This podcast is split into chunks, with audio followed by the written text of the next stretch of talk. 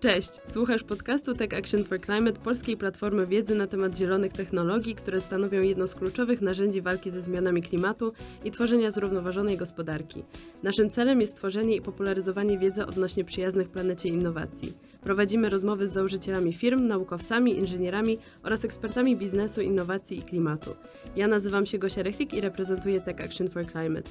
W imieniu swoim i całego zespołu zapraszam do posłuchania kolejnego odcinka.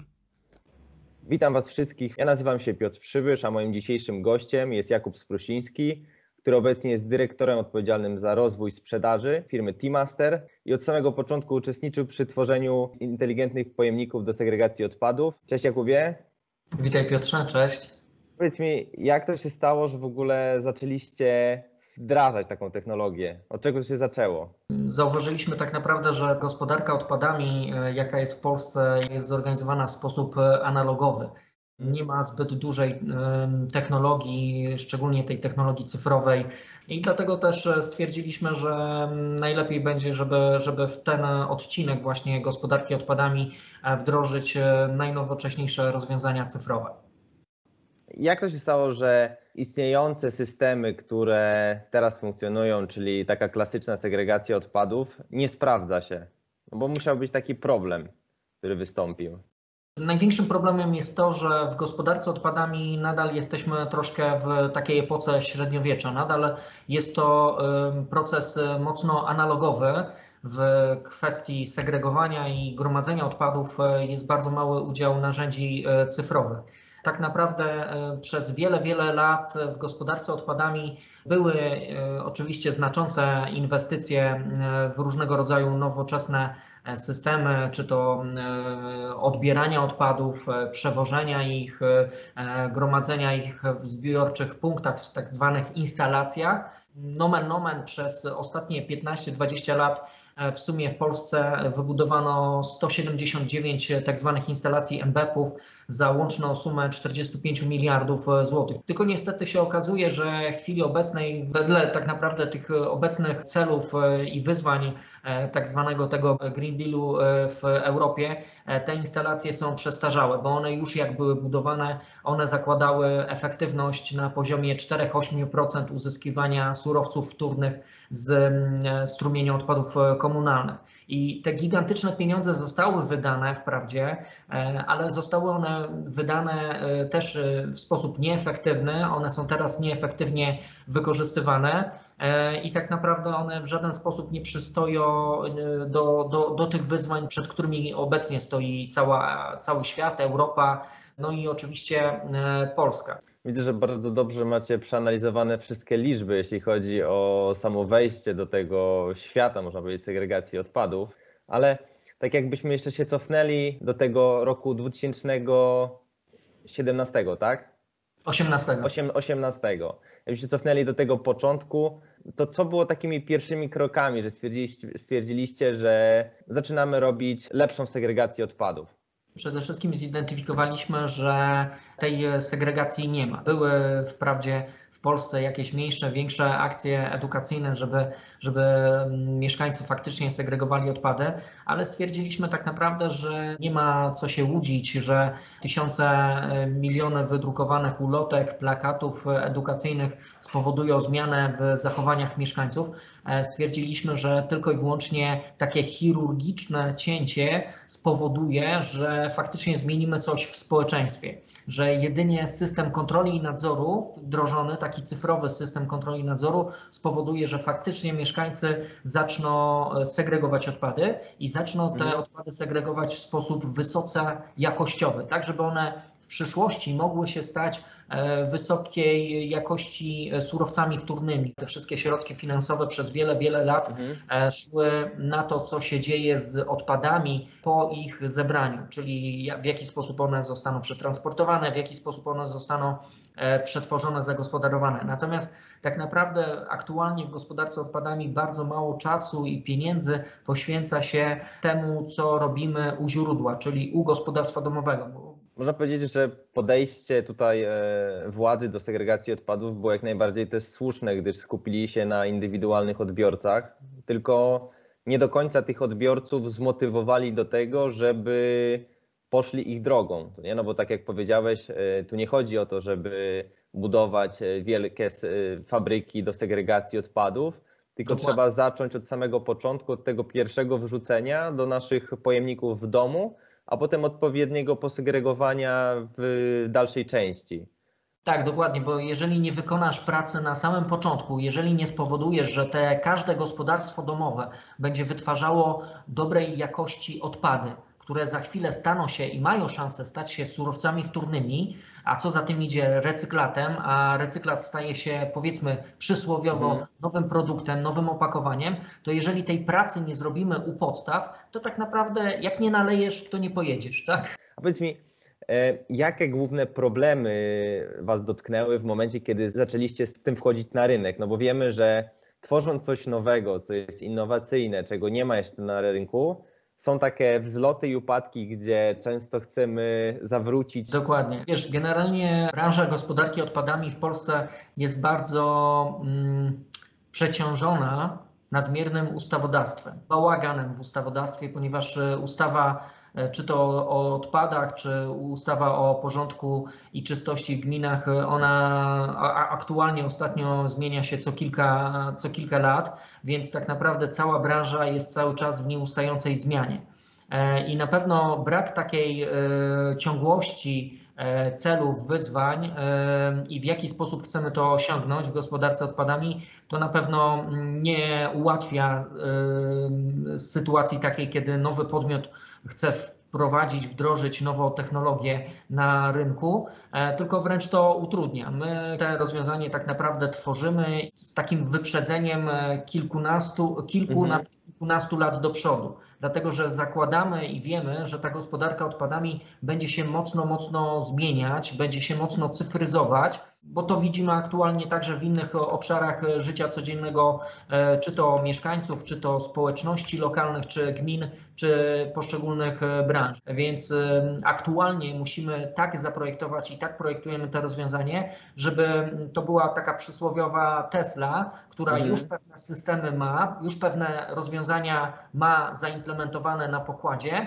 a tak naprawdę, jeżeli się zmieni prawo, to my tylko wtedy przeciągniemy wajchę, włączymy magiczny guzik e, on i, i wtedy ta dana funkcjonalność będzie e, sprawna, będzie działała. E, no, największymi takimi wyzwaniami podczas wdrażania tego rozwiązania, no to było dostosowanie się do aktualnego ustawodawstwa, do aktualnych zachowań mhm. mieszkańców, tak żeby jakby nie powodować E, rewolucji skupiliśmy się bardzo na ewolucji zachowań e, mieszkańców. E, dlaczego? Dlatego, że jeżeli coś robimy i robimy to u podstaw, a u podstaw jest mieszkaniec, jest obywatel, który wytwarza odpady, to dla nas jest bardzo ważne, żeby go nie wrzucać w jakąś rewolucję śmieciową, tylko tak naprawdę spowodować ewolucję w jego zachowania. I mhm. tym się właśnie za, zajęliśmy, żeby zmienić jego zachowania żeby wyedukować go w jakiś sposób e, poprzez wiedzę o tym, ile faktycznie odpadów wytwarza i czy to jest dużo, czy to jest mało, podać mu to w atrakcyjny, cyfrowy sposób, e, tak żeby ta wiedza i ta ewolucja spowodowała zmianę w jego codziennych takich zachowaniach konsumenckich stworzyć taką społeczność, która będzie się utożsamiała, że ma pozytywny wpływ na środowisko, no to jest coś rewolucyjnego. Ja wiem, jak e, przy wdrażaniu innowacyjnych technologii wszyscy mówią, że fajnie, że wdrażacie, tylko żeby mnie to nie dotykało, ale żeby samo się działo, to tak by było najlepiej. No powiedz mi tak, jeszcze wracając do tego pytania, a jak tak stricte inżyniersko mieliście podejście do tego? Czy trafiliście na takie problemy z rozwiązaniami, których no, nie ma gotowych rozwiązań, żeby od razu zakupić sobie podzespoły i wdrożyć je do takiego systemu? Czy mieliście jakichś programistów, którzy opracowali całą platformę? Jak stricte technicznie chodziliście?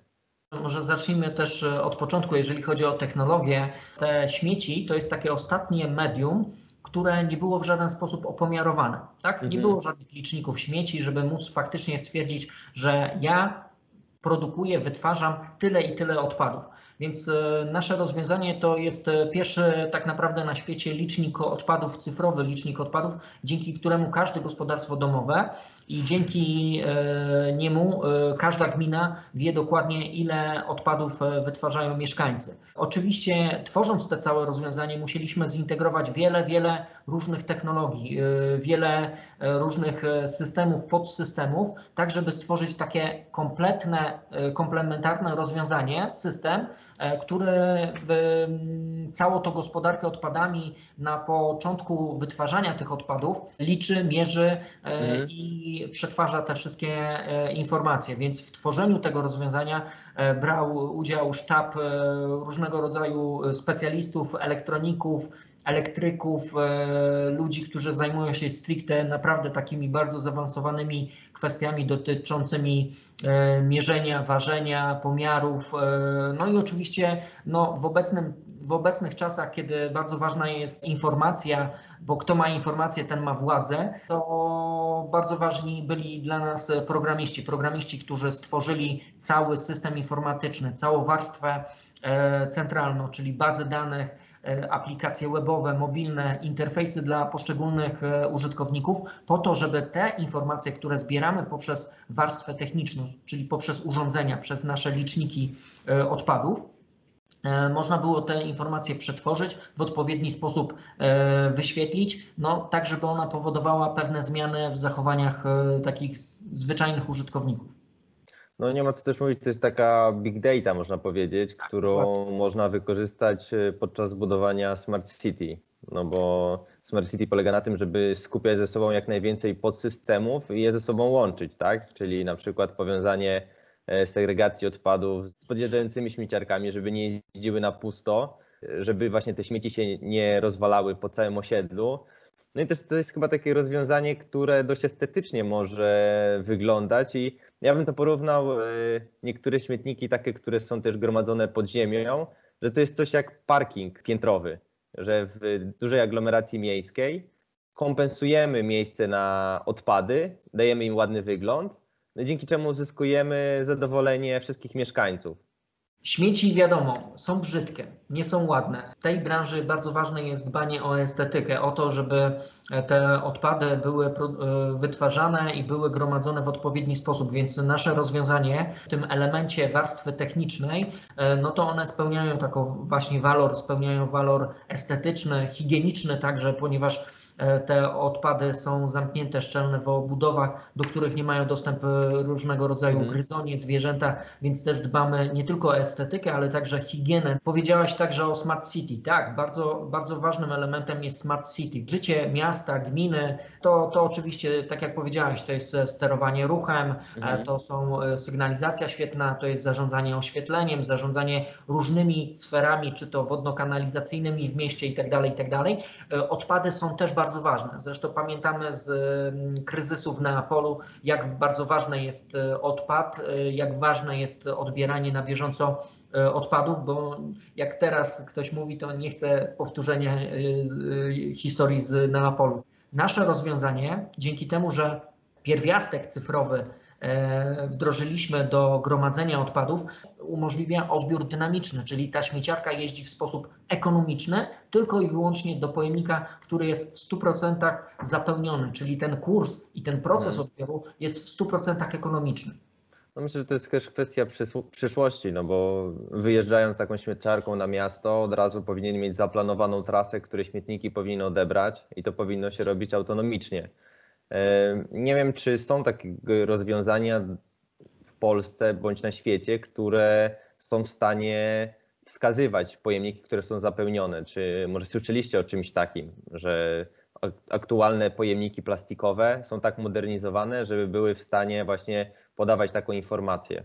Czy coś takiego występuje na rynku? Są, są, są takie systemy, tylko niestety te systemy są mocno rozproszone. One są stosowane tylko i wyłącznie jakby jako pojedyncze systemy. One nigdy nie są tworzone i nie są e, wdrażane jako takie komplementarne, kompleksowe rozwiązania dla gospodarki odpadami. Są to takie pojedyncze wdrożenia, gdzie montuje się zwykły czujnik ultradźwiękowy na pojemniku do odbioru, do gromadzenia odpadów, no i poprzez transmisję danych, telemetrię e, szczytuje się aktualny poziom zapełnienia pojemnika, tak? Tylko, że Mhm. tak naprawdę jest to tylko taki system pojedynczy, niekompleksowy, który tylko i wyłącznie pozwala na oszczędność i na taki walor, e, zastosowanie waloru ekonomicznego, jeżeli chodzi o odbiór e, odpadów. Natomiast nasze rozwiązanie jest bardziej komplementarne, dlatego że ten nasz przysłowiowy licznik odpadów to jest zastosowanie i skupienie i połączenie ze sobą różnych, różnych systemów tak naprawdę do siebie, razem, łącznie. E, Jest to innymi system ważenia e, odpadów, które są gromadzone, e, jest to system właśnie mierzenia poziomu zapełnienia pojemnika, jest to system kontroli na przykład dostępu do pojemnika, system monitoringu, cały system telemetrii urządzenia, system komunikacji, no i oczywiście ten system informatyczny, czyli cała ta warstwa centralna z tą tak zwaną big data. No tak, nie ma co ukrywać, że to jest tylko taka cząsteczka waszej, waszego systemu, jeśli chodzi o informacje na temat, czy pojemnik jest zapełniony, czy nie, no bo tutaj głównie nam chodzi o segregację indywidualną, która utożsamia się z prawidłowym, prawidłową segregacją i odpowiedzialnością za, nie ma co mówić, swoje śmieci, bo tutaj w blokach wiemy, nikt nie utożsamia się z tym, że wyrzuca śmieci do danego pojemnika, tylko po prostu wyrzuca i odchodzi. A tutaj jednak każdy sam siebie pilnuje. Największym problemem e, nie tylko w Polsce, bo musimy mieć świadomość, że to nie jest tylko problem Polski, że, że tak naprawdę Polska nie jest w jakimś tam e, średniowieczu. Niestety prawie wszystkie kraje europejskie mają gigantyczny problem e, w zabudowie wielolokalowej. Dlaczego? Dlatego, że w zabudowie lokal, wielolokalowej, czyli w przysłowiowych blokach, e, jest największa wolna amerykanka, jest największa anonimowość mieszkańców. E, Tak naprawdę jego worka, jego odpadów nie da się w żaden sposób zidentyfikować. Natomiast nasz system e, likwiduje całkowicie, likwiduje anonimowość wśród mieszkańców. Dlaczego? Dlatego, że mieszkaniec, żeby wyrzucić odpady, musi autoryzować się na urządzeniu. Aktualnie autoryzuje się mieszkańcy w naszym systemie poprzez naklejkę z kodem QR, e, który jest takim ich cyfrowym kluczem do otwarcia urządzenia i ta naklejka e, naklejona na worku, e, na worku z odpadami mieszkańca e, pozwala także później w całym procesie gromadzenia tych odpadów pozwala na późniejszą weryfikację i kontrolę jakości, czy faktycznie ci mieszkańcy dobrze segregują odpady.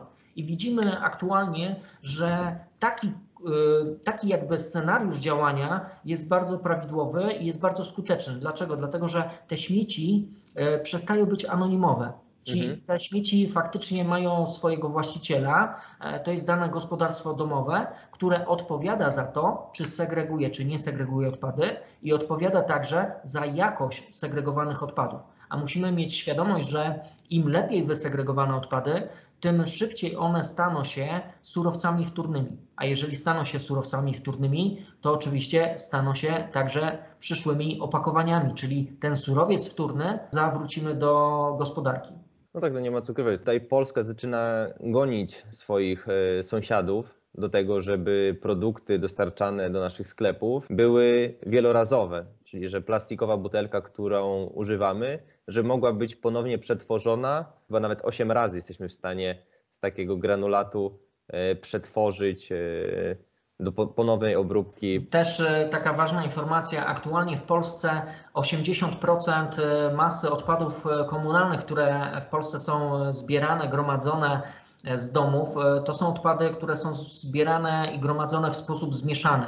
Więc miejmy świadomość, że ze strumienia odpadów zmieszanych, czyli z tej większości, czyli 80% strumienia, e, my uzyskamy surowca wtórnego, o którym powiedziałeś, który można z powrotem zawrócić do, do, do obiegu, e, uzyskamy tak naprawdę 4-8%, więc to jest bardzo, bardzo mało. Miejmy świadomość, że im więcej masy odpadów zbieramy, tych odpadów komunalnych w sposób selektywny, e, w podziale na poszczególne e, surowce, czyli plastik, papier, szkło, bio e, i inne, e, tym e, ich jakość i wartość tych odpadów jest e, wyższa, a też co za tym idzie, koszty ich przetworzenia, zagospodarowania na tych tak zwanych instalacjach jest o wiele, o wiele niższy, bo po prostu wiadomo, że instalacja też kosztuje, tak? Te linie sortownicze, które e, pracują, ludzie, którzy pracują fizycznie na tych liniach sortowniczych, oni kosztują, tak? A jeżeli będziemy tworzyć strumień odpadów selektywnie zbieranych i to nie będzie tylko 20%, ale na przykład 60-80%, a to jest realne i to jest naprawdę do, do wykonania e, w przyszłości, e, to tak naprawdę te koszty zagospodarowania i przetworzenia odpadów e, zmaleją, a co za tym idzie, opłaty dla mieszkańców, dla tych mieszkańców, którzy płacą za odbiór i zagospodarowanie odpadów, też mają szansę zmaleć. No tak, no nie ma co ukrywać, że każdy z obywateli zauważył, że opłaty za segregację odpadów i za odpady zmieszane wzrosły dwukrotnie, także to jest bardzo duża kwota, która prawdopodobnie będzie cały czas rosła do motywacji e, obywateli.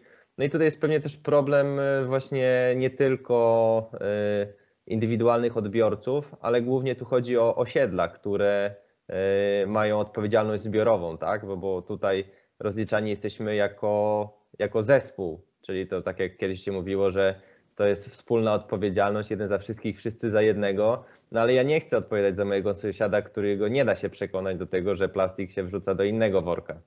Więc to jest tak. chyba też tak tego typu rozwiązanie, co? Tak, dokładnie. Użyłeś, użyłeś ma magicznego słowa, Piotrze, rozliczanie. Aktualnie mamy tylko y, możliwość rozliczania mieszkańców i ustalania opłaty za odbiór i zagospodarowanie odpadów y, albo od osoby, albo od gospodarstwa domowego, albo od y, powierzchni nieruchomości albo od e, zużycia e, wody. Wyobraźmy sobie taką sytuację, że na przykład e, ty czy ja płacimy taką samą kwotę, na przykład rzucam 100 zł za telefon komórkowy. Nieważne, że ty na przykład zużywasz mniej daty, ja zużywam bardzo dużo transmisji danych, ale mamy ten sam rachunek. Płacimy ty płacisz 100 zł i ja płacę 100 zł za telefon komórkowy. To jest abstrakcja każdy obecnie w nowoczesnych mediach płaci za faktyczne zużycie i zużywa tyle, ile mu y, budżet taki rodzinny pozwala. A ze śmieciami jest inaczej. Nasz system y, umożliwia rozliczanie każdego mieszkańca, każdego gospodarstwa domowego za ilość faktycznie wytworzonych odpadów. Czyli możemy policzyć faktycznie, ile dane gospodarstwo domowe wytwarza odpadów. I Nasz system jest już przygotowany do tego, żeby w przyszłości, jak się zmieni prawodawstwo e, w Polsce, czy w Europie, czy na świecie, żeby wdrożyć ten faktyczny, prawdziwy licznik odpadów. W chwili obecnej takich systemów cyfrowych nie ma. Wprawdzie są pewnego rodzaju e, rozwiązania e, z dziedziny paid, czyli pay as you throw, czyli płać za to, co wrzuciłeś, wyrzuciłeś. Są takie systemy analogowe, ale mhm. niestety one są analogowe a to niestety w obecnych czasach oznacza, że te systemy są mało powszechne. A nasz, nasz produkt T-Masterowy pozwala na to, że my ten sposób rozliczania się mieszkańca za faktyczną ilość wyrzuconych, wytworzonych odpadów możemy wdrożyć w sposób cyfrowy na terenie całej gminy, na terenie całego kraju. Tylko musi się prawo zmienić. Jak w ogóle, jak zaczynaliście z tym y, projektem, no wiadomo, to nie są małe koszty, żeby zacząć tak duże przedsięwzięcie. Czy korzystaliście z jakiegoś finansowania zewnętrznego bądź z jakichś grantów środowiskowych, czy to bardziej wewnętrzne pieniądze? Cały projekt, e, cały startup jest finansowany z prywatnych e, pieniędzy. E, wprawdzie staraliśmy się o dofinansowanie. Niestety z ubolowaniem muszę powiedzieć, że w Polsce nie ma dobrego klimatu dla startupów. Wcześniej e, przez 17 lat pracowałem w dużej korporacji telekomunikacyjnej w Polsce e, i chodząc na wszystkie spotkania, miałem wtłaczano taką informację, że faktycznie startupy naprawdę dynamicznie się rozwijają w Polsce, jest dobry klimat. Dopiero jak e, wsiadłem do tego startupu, zauważyłem, że niestety tak zielono i tak różowo, optymistycznie nie jest, jeżeli chodzi o mhm. startupy. E, bardzo jest ciężko uzyskać e, dofinansowanie zewnętrzne, w ogóle e, zewnętrzne środki na działalność. I, I, to jest duże utrudnienie w działaniu takich startupów, żeby się wybić, żeby wdrożyć faktycznie nową technologię. My bardzo mocno idziemy na takim powiewie świeżości, na takiej fali świeżości, że faktycznie jest to coś nowego, jest to coś mhm. bardzo innowacyjnego. Tego do tej pory nie było e, i cieszymy się dużym zainteresowaniem, czy to ze strony jednostek samorządu terytorialnego, czy także e, ze strony e, prywatnych podmiotów ale o dofinansowanie, o finansowanie zewnętrzne niestety jest bardzo, bardzo mm, ciężko i mogę tu powiedzieć z ręką na sercu, że o dobry klimat dla startupów w Polsce e, jest e, bardzo ciężko. No tak, ale tutaj mówisz o zarówno finansowaniu państwowym, jak i sektora prywatnego, czy, czy tylko państwowy? Y, bardziej finanso, jeżeli chodzi o finansowanie z sektora publicznego, tak? Pomimo tego, że są programy, są y, różnego rodzaju granty, które można pozyskać na, na tego typu działalność, natomiast y, suma summarum jest je bardzo, bardzo ciężko, jest je bardzo trudno uzyskać. No ale są jeszcze aniołowie biznesu, którzy są w stanie wspierać takich właśnie przedsiębiorców jak wy. No myślę, że inwestorzy z sekcji prywatnej mogliby być zainteresowani, żeby włożyć kilka milionów e, do rozwoju. No bo wiemy, że tych, tych, tych segregatorów odpadów można naprawdę wyprodukować i wdrożyć setki tysięcy. Nie tylko w Polsce, ale i na całym świecie, tak? Tak, dokładnie. No, w chwili obecnej nie jesteśmy ograniczeni tylko i wyłącznie do, do, do jakiegoś małego obszaru czy do jednego kraju. E, każdy nowy startup i każdy nowy biznes ma ambicje, żeby dokonywać ekspansji na Europę, na cały świat. My także, także takie ambicje mamy. E, więc e, oczywiście jak najbardziej jest to nieuniknione, że będziemy celować także w finansowanie z prywatnych środków. No bo to, to daje bardzo dużą możliwość właśnie powiększania swojego obszaru działania. Czy te rozwiązania, o których teraz mówimy, czy udało Wam się już wdrożyć, czy macie już pierwsze prototypy? Cały ten okres, e, który już mamy za sobą, e, możemy nazwać, że to był taki mm, program badawczo-rozwojowy, ponieważ e, dzięki uprzejmości jednego z miast na północnym Mazowszu, konkretnie miasta Ciechanów, mogliśmy na żywej tkance przetestować i sprawdzić wszystkie nasze założenia, jeżeli chodzi o projekt. I dzięki temu, że ponad rok czasu testowaliśmy i sprawdzaliśmy różnego rodzaju rozwiązania, E, teraz w tym momencie mamy gotowy komercyjny produkt. Mamy już pierwsze wdrożenie komercyjne właśnie w mieście Ciechanów, e, bo tam wszystko udowodniliśmy, pokazaliśmy, że tak, to działa, jest to skuteczne, że można lepiej segregować odpady, można tworzyć większy strumień, wytwarzać większy strumień odpadów selektywnie zbieranych, ba, nawet te odpady mogą być z jakością na poziomie 92%. E, także udowodniliśmy, że można e, zastosować odbiór dynamiczny, który jest o wiele, o wiele tańszy. Więc e, już mamy mm, pierwsze wdrożenie komercyjne, a w chwili obecnej bardzo mocno intensywnie działamy z kilkunastoma gminami miejskimi w Polsce, żeby takie systemy wdrażać na terenie całej powierzchni tych gmin. E, żeby wdrażać je w zabudowie wielolokalowej, tam gdzie jest największy problem i jest, gdzie jest największe wyzwanie, bo e, bardzo wielu ekspertów branży odpadowej mówi wprost, że bez zwiększonej masy odpadów selektywnie zbieranych, wytwarzanych w zabudowie wielolokalowej, przyszłych celów, e, jeżeli chodzi o poziomy recyklingu, Polska nie zrealizuje, gminy nie mhm. zrealizują. A co za tym idzie, jeżeli nie zrealizują, to będziemy płacić niestety wielo, wielomilionowe kary do e, budżetu Unii Europejskiej. Więc e, potężna praca przed nami. No nie, nie ma co tutaj mówić, trzeba sobie zrobić rachunek ekonomiczny i zobaczyć, czy wdrożenie takich systemów w gminach, w miastach jest opłacalne, bo z tego, co tutaj mówisz, no to jest dość rzecz oczywista, że przez te wszystkie kary będziemy naprawdę musieli duże koszty ponieść na segregację odpadów, dlatego one też w tym momencie rośnie opłata dla indywidualnych y, y, osób, bo one za to zapłacą. No nie ma co tu mówić, one zapłacą za tą karę. Tak, dokładnie. W chwili obecnej jest bardzo dobry klimat, jeżeli chodzi o finansowanie tego typu systemów, e, które wspierają, wspomagają e, selektywną zbiórkę, segregację odpadów u źródła. E, jest bardzo dobry program dofinansowujący, który jest organizowany przez Narodowy Fundusz Ochrony Środowiska i Gospodarki Wodnej.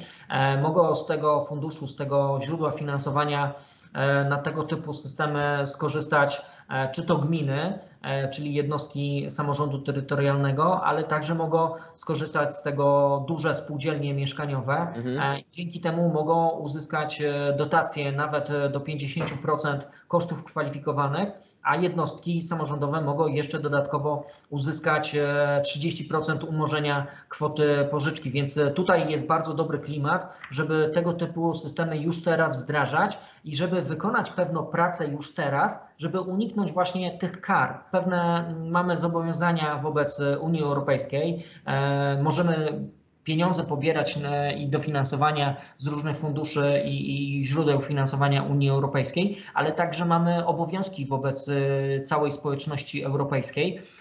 A co za tym idzie, musimy spełnić procenty recyklingu. No powiedzmy, że jestem e, taką osobą, która jest zainteresowana takim produktem. Ostatnio mieliśmy właśnie taką rozmowę właśnie e, z jedną z osób z Uniwersytetu Wrocławskiego, która bezpośrednio jest e, pracownikiem zarządzającym uniwersytetem. I po konferencji zapytała się mnie, czy, bo nie wiedzą, co zrobić z odpadami na swoim kampusie. I mówią, że na przykład takie rozwiązanie, o którym opowiadałem, byłoby słusznym do zarządzania odpadami? Czy ona powinna się zwrócić bezpośrednio do Was, e, żebyś, czy ma jakieś wsparcie e, w kwestii formalności z Unią Europejską? No bo rozumiem, że tu trzeba rozpisać jakiś projekt o grant, tak? Tak, dokładnie. Jak najbardziej e, aktualnie mocno skupiamy się nad tym, żeby wspierać, supportować gminy, jednostki samorządu terytorialnego, żeby je przeprowadzić przez ten cały proces, ponieważ no, trzeba w pewien sposób ten system zaprojektować, bo ten system trzeba uszyć na miarę, jak dobry garnitur. On może, musi dobrze e, leżeć. E, bardzo ważną kwestią w gospodarce odpadami generalnie jest dobre zwymiarowanie systemu każdego, bo jeżeli ten system będzie przewymiarowany, to zapłacimy za coś, czego nie będziemy używać, a jeżeli będzie niezwymiarowany i będzie niedoskonały, e, za mały, no to będziemy tak naprawdę do tego systemu jeszcze, jeszcze pieniądze e, dopłacać. Więc bardzo ważnym takim elementem pierwszym to jest dobre zaprojektowanie, dobre zwymiarowanie tego systemu dla danej populacji. No tak, tutaj kwestia wdrożenia jak najbardziej. Widzę, że to jest we wszystkich branżach tak mniej więcej wygląda, zarówno w panelach fotowoltaicznych, jak i e, w energii pobieranej jako odbiorca końcowy. Zawsze trzeba znaleźć ten złoty środek, żeby nie dopłacać, ale też nie przekraczać, bo e, to jest chyba najtrudniejsza kwestia, żeby to wypośrodkować. Czyli jak powiedzmy, e, zakupiłem u Was taki produkt, chciałbym się dowiedzieć, czy Wy jako firma jesteście w stanie przeanalizować pozytywny wasz wpływ na środowisko? Czy w ogóle mierzycie taki wpływ? No bo dla nas jako e, Tech Action for Climate ważne jest to, żeby innowacyjne technologie z, zielone, z green techu miały mierzalny wpływ. Żeby to nie było tak, że to jest zielona technologia, ona jest dobra, tylko że my jesteśmy w stanie to przemierzyć, czyli podać konkretne liczby. Tak, dokładnie. Zauważ, że jeżeli teraz na przykład gminy, czy wspólnoty mieszkaniowe, czy spółdzielnie mieszkaniowe inwestują w fotowoltaikę, e, to wiedzą, że za te kilka lat będą miały po zwróceniu się tej inwestycji prąd za darmo. Tak samo mhm. jeżeli spółdzielnie mieszkaniowe e, dokonują termomodernizacji budynków mieszkaniowych, to wiedzą dokładnie, że będą mieć oszczędności na kosztach ogrzewania E, budynku, e, nie tylko w części e, lokalowej, ale także części wspólnej budynku. Nasz system w bardzo podobny sposób się kalkuluje, ponieważ zestawiamy dwie, dwie, dwa, dwa koszty.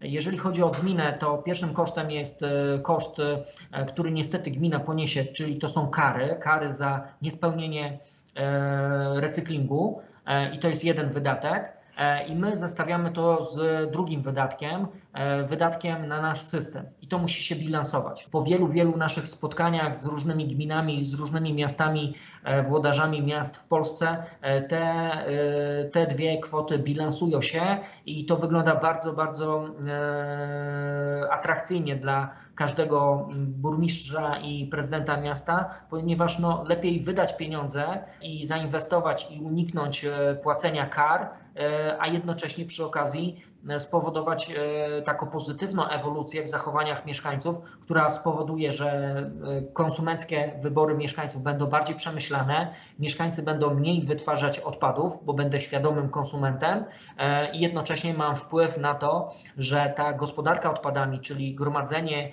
i odbiór odpadów może być jeszcze lepiej zorganizowane, e, zaprojektowane, a dzięki temu mogę mieć niższe koszty e, tej, e, tego całego procesu. Chciałbym się dopytać, czy pod względem środowiskowym po, tych po tym wdrożeniu, które zrobiliście, czy jesteście w stanie powiedzieć, że wasz system poprawił segregację odpadów, czy w jakim to stopniu? Bo tutaj na pewno naszych słuchaczy będą interesowały liczby, żeby one się przekładały na skuteczność tego systemu. Tak, jak najbardziej. Już wcześniej powiedziałem o tym, że w Polsce e, średnio 80% strumienia odpadów komunalnych to są odpady zmieszane, czyli bardzo mało odpadów zbieramy w sposób e, selektywny. Czyli ten strumień, który za chwilę może stać się surowcem wtórnym i może być zawrócony do, e, z powrotem do gospodarki. Wdrożenie naszego systemu czyli przejście z systemu analogowego na system cyfrowy powoduje, że czterokrotnie na dzień dobry, czterokrotnie zwiększamy masę odpadów e, selektywnie zbieranych. Mamy przykład e, z tego ponadrocznego badania, gdzie mieszkańcy tam gromadzili zaledwie 10% odpadów w sposób selektywny, czyli jako mhm. przyszłe surowce. E, wdrożenie naszego systemu spowodowało, że ten udział e, odpadów surowcowych, odpadów selektywnie zbieranych wzrósł ponad czterokrotnie. I to same wdrożenie systemu spowodowało. Czyli jeżeli jeszcze dodamy do tego e, sposób, inny sposób rozliczania, na przykład o tym, co rozmawialiśmy, sposób rozliczania za faktyczną masę wytwarzanych odpadów, czyli ten licznik odpadów i rozliczanie billingowe, to jesteśmy w stanie dojść do nawet poziomu 80%, czyli całkowicie możemy odwrócić proporcje, tak? Czyli mhm. zamiast 80% odpadów komunalnych w sposób zmieszany możemy zbierać w sposób selektywny. A co za tym idzie, e, większość strumienia będzie przyszłym surowcem, więc to jest zupełnie, zupełnie inna rzeczywistość, która jest już w chwili obecnej na wyciągnięcie ręki do osiągnięcia.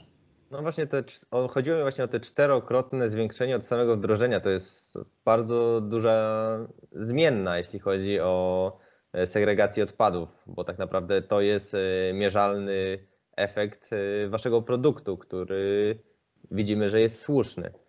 Tak, jakbyś, miał tak, jakbyś miał tak jeszcze powiedzieć, co jest teraz przed wami, jak widzicie się za 5 lat? Czy myślicie o właśnie o tej ekspansji, o której rozmawialiśmy, że zarówno w moim bloku, jak i w Twoim też będzie taki śmietnik, który jest w stanie segregować odpady.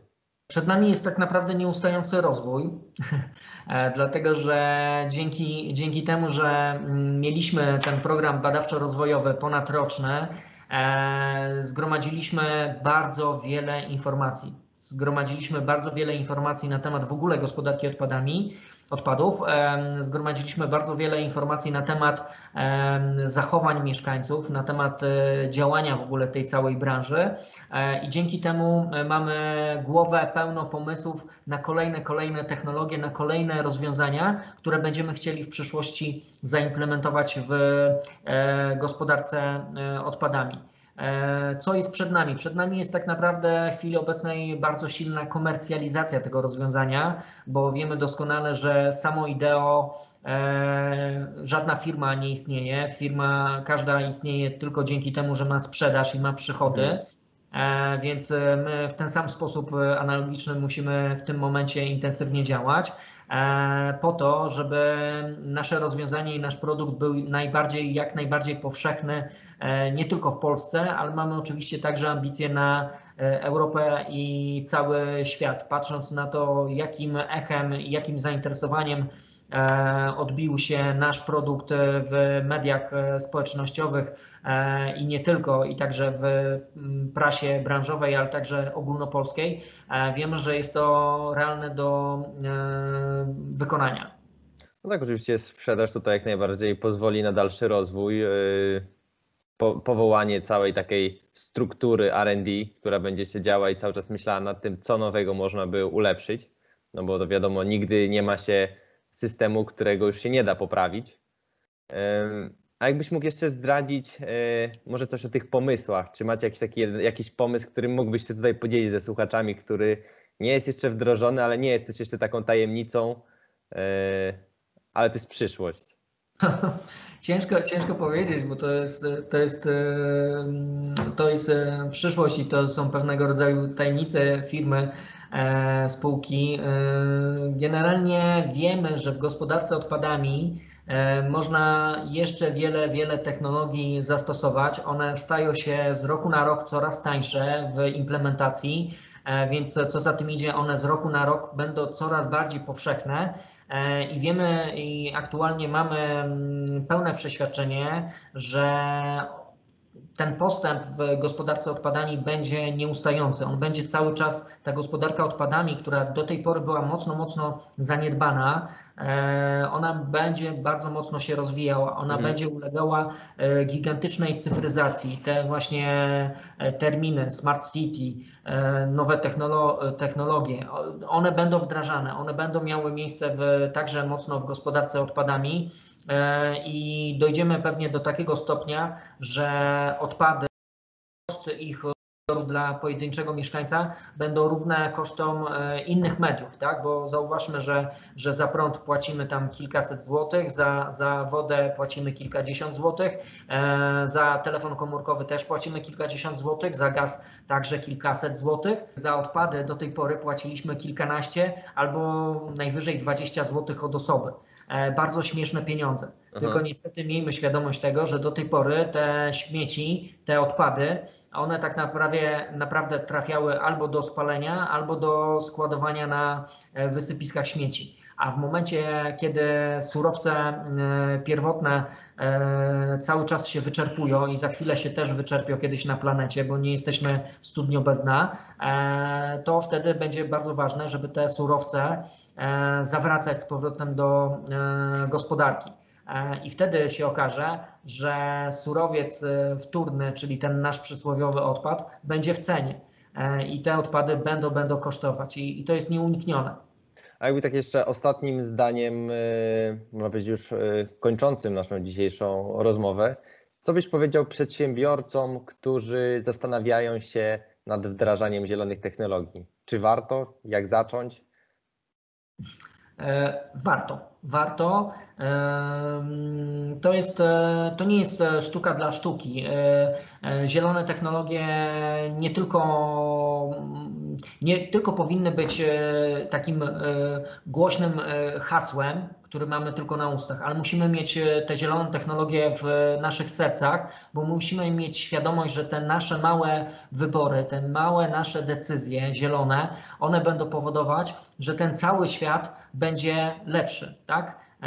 Że będzie lepszy nie tylko dla nas na starość, ale także przede wszystkim będzie lepszy dla naszych wspólnych, y, przyszłych e, pokoleń, tak? bo powinniśmy zostawić e, świat e, przynajmniej w takim stanie, jakim jest, a nie gorszym. Tak? Dlatego te technologie zielone, ten zielony kierunek powinien być nie tylko na ustach, jako takie głośne hasła reklamowe firm, ale powinny być te hasła i ten zielony, ten zielony kierunek e, i zielone działania powinny być w naszych sercach i powinny być czynem, a nie tylko słowem. Dokładnie tak. Wszyscy, wszyscy jesteśmy jednością i musimy zacząć od siebie, żeby wymagać też również od innych. Tym moglibyśmy chyba zakończyć dzisiejsze spotkanie. Mm, dziękuję Ci bardzo za poświęcony czas. Moim gościem był Jakub Sprusiński. Dzięki bardzo. Dzięki bardzo Piotrze za rozmowę.